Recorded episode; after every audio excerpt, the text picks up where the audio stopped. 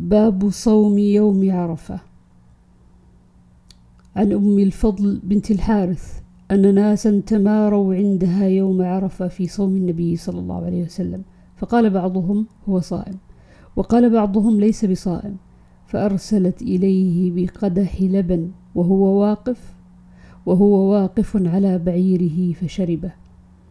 وعن ميمونة رضي الله عنها أن الناس شكوا في صيام النبي صلى الله عليه وسلم يوم عرفة فأرسلت إليه بحلاب وهو واقف في الموقف فشرب منه والناس ينظرون. باب صوم يوم الفطر. عن أبي عبيد مولى بن أزهر قال شهدت العيد مع عمر بن الخطاب رضي الله عنه فقال هذان يومان نهى رسول الله صلى الله عليه وسلم عن صيامهما. يوم فطركم من صيامكم واليوم الآخر تأكلون فيه من, نسك من نسككم. عن أبي سعيد رضي الله عنه قال نهى النبي صلى الله عليه وسلم عن صوم يوم الفطر والنحر وعن الصماء وأن يحتبي الرجل في ثوب واحد وعن صلاة بعد الصبح والعصر. باب الصوم يوم النحر.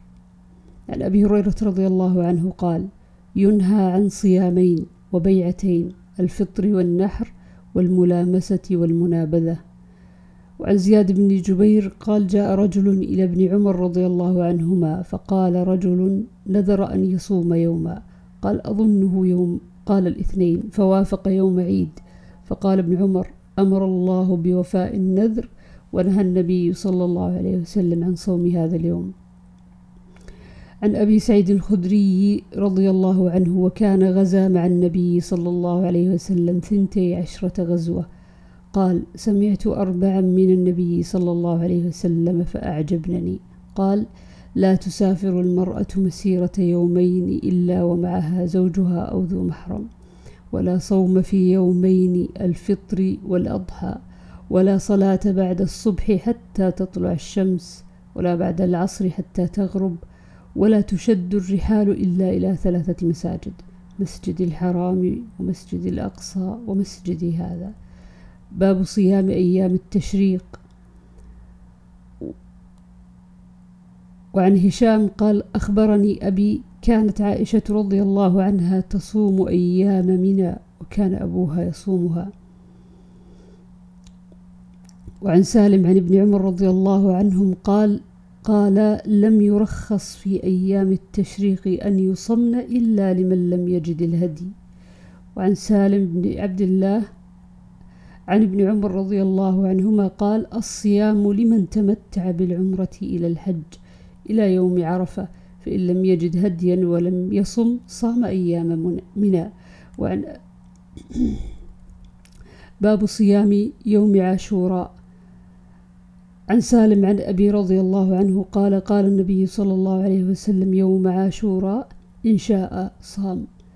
وعن عائشة رضي الله عنها قالت كان رسول الله صلى الله عليه وسلم أمر بصيام يوم عاشوراء فلما فرض رمضان كان من شاء صام ومن شاء أفطر. وعنها رضي الله عنها قالت كان يوم عاشوراء تصومه قريش في الجاهلية وكان رسول الله صلى الله عليه وسلم يصومه. فلما قدم المدينة صامه وأمر بصيامه فلما فرض رمضان ترك يوم عاشوراء فمن شاء صامه ومن شاء تركه. عن حميد بن عبد الرحمن أنه سمع معاوية بن أبي سفيان رضي الله عنهما يوم عاشوراء عام حج على المنبر يقول يا أهل المدينة أين علماؤكم؟ سمعت رسول الله صلى الله عليه وسلم يقول هذا يوم عاشوراء ولم يكتب عليكم صيامه وأنا صائم فمن شاء فليصم ومن شاء فليفطر. عن ابن عباس رضي الله عنهما قال قدم النبي صلى الله عليه وسلم المدينة فرأى اليهود تصوم يوم عاشوراء فقال ما هذا؟ قالوا هذا يوم صالح هذا يوم نجى الله بني إسرائيل من عدوهم فصامه موسى. قال فأنا أحق بموسى منكم فصامه وأمر بصيامه.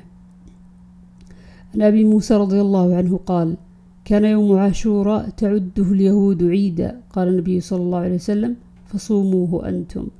عن ابن عباس رضي الله عنهما قال ما رأيت النبي صلى الله عليه وسلم يتحرى صيام يوم فضله على غيره إلا هذا اليوم يوم عاشوراء وهذا الشهر يعني شهر رمضان.